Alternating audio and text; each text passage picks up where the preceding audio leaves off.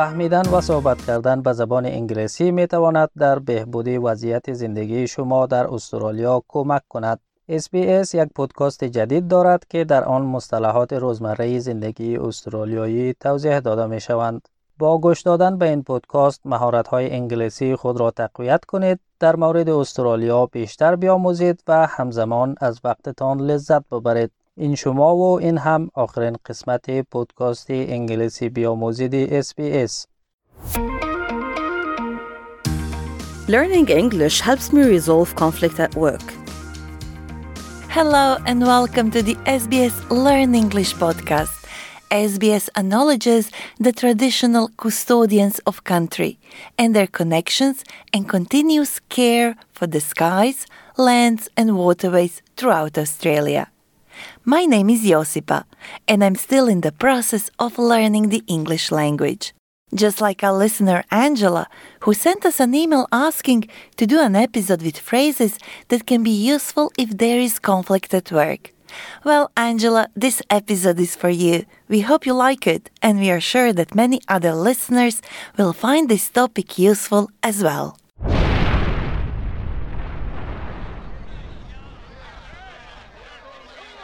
Conflict in the workplace is common because people often have different ideas, interests, or beliefs. Maybe we disagree with someone because we have different working styles, or perhaps people don't communicate or collaborate very well. Or you have to work with a colleague who is stepping on your turf. If someone steps on your turf, they are getting involved in work that is yours, but not in the way you like it. We know that conflict at the workplace is common, it's bad for business, and more importantly, it can be very damaging to the well being and mental health of employees. So, what can we do in a conflict situation? Well, we could work towards resolving the conflict instead of being at each other's throats, which is another way of saying arguing and fighting. But it can be hard to know how to deal with conflict at work when English is not your first language. How can you talk about this without sounding too direct? Or maybe you worry that you are too polite and that your message is not being heard. Keep listening to hear the language you can use to help you resolve or fix conflict. With us today are Alan and Claire. I'd like us to talk, even though we might not solve everything at once. I hear what's important to you, but if you could look at it from my perspective. Okay, let's talk. I'm sure there'll be some things we can agree on. I'm sure there'll be some things we can agree on. All the phrases we've just heard can help us work towards the resolution of conflict. Let's hear them again, one by one. First, we had Alan. I'd like us to talk, even though we might not solve everything at once. I want us to talk even though we might not solve everything at once. By saying this, you recognize that conflict exists and are prepared to work toward a resolution, even though not every problem can be solved. I hear what's important to you, but if you could look at it from my perspective. I hear what's important to you, but if you could look at it from my perspective. By saying this, you're acknowledging another person's opinion and asking them to do the same. Alan then said, Okay, let's talk. I'm sure there'll be some things we can agree on. It's like saying I'm ready for compromise. A compromise is an agreement or settlement of a difference of opinion in which each side loses something. It's like an agreement in which neither side gets exactly what they want. But at least they reach some sort of agreement, and that stops people being at each other's throats.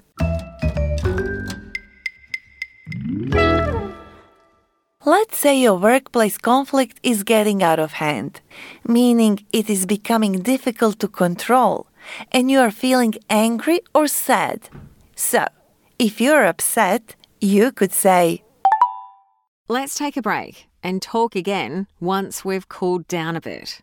That sounds much better than saying, I can't deal with this or this will never work.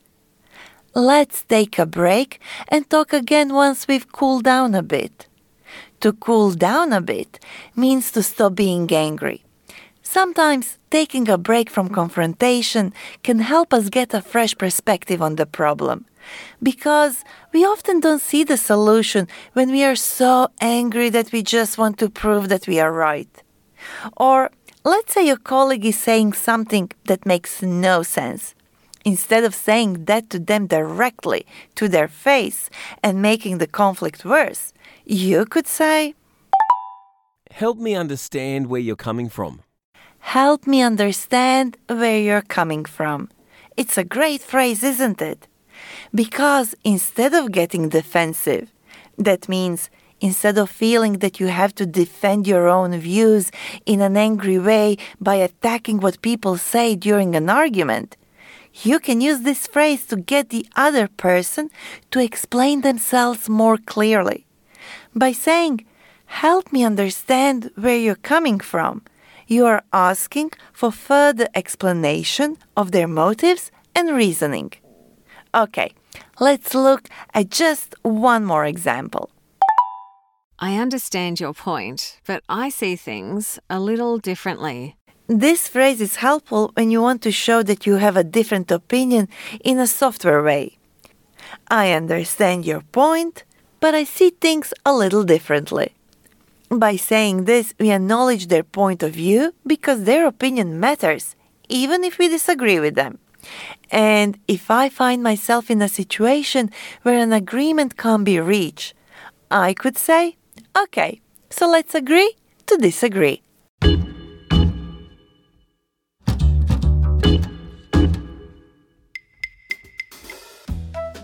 Today, we are in the company of my colleague, SBS radio content editor Peter Theodosiou. Hi, Peter. Thanks for being part of the show. Hi, Josipa. I'm a big fan of the Learn English podca- podcast, so it's a pleasure to be here. Workplace conflict is bad for business, but perhaps even more importantly, it can be very bad for the people involved too, right? Yeah, well, workplace conflict, especially long lasting, can create a toxic environment for everyone. A toxic environment is a place or behavior that causes harm to your health, happiness, and well being. Toxic. That is quite a strong word. It is usually used to describe a poison. That's right. A workplace must be very harmful if you describe it like that. But even conflict that is not so extreme can still be very stressful. especially if the conflict remains unresolved for some time. Many studies have confirmed that unresolved workplace conflict causes considerable stress, anxiety, and depression that can ultimately lead to more serious mental health issues. Unfortunately, these days, whether we are in conflict with someone or not, so many of us need support to achieve our best mental health and reduce the daily stress in our lives. Yes, according to the Australian Human Rights Commission, around 45% of adult Australians will experience a mental illness at some point in their life, while one in five Australians will experience a mental illness in any given year. That's why here at SBS we are launching Mind Your Health on October 10. I encourage everyone to visit the Mind Your Health website to access diverse perspectives of health and well-being for free. Awesome! I can't wait to try some of the suggested meditations you mentioned to me. But before I say goodbye to you now, can you please help us repeat useful phrases from this episode? I'd be happy to. See if you can answer the question before hearing the answer. If someone steps on your turf, they are.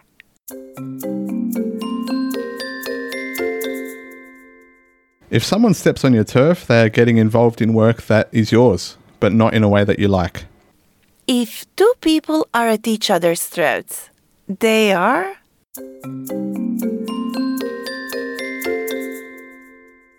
If two people are at each other's throats, they are arguing, they are angry, and they are fighting. What does it mean that conflict is getting out of hand?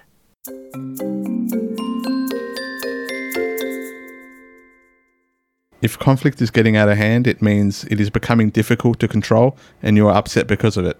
Today, we practice some phrases that can help us move toward workplace conflict resolution. I hear what's important to you, but if you could look at it from my perspective.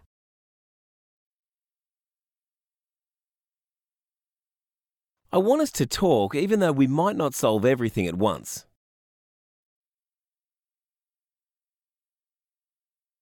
Let's take a break and talk again once we've cooled down a bit.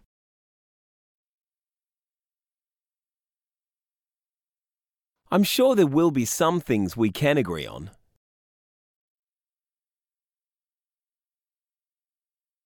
I understand your point, but I see things a little differently.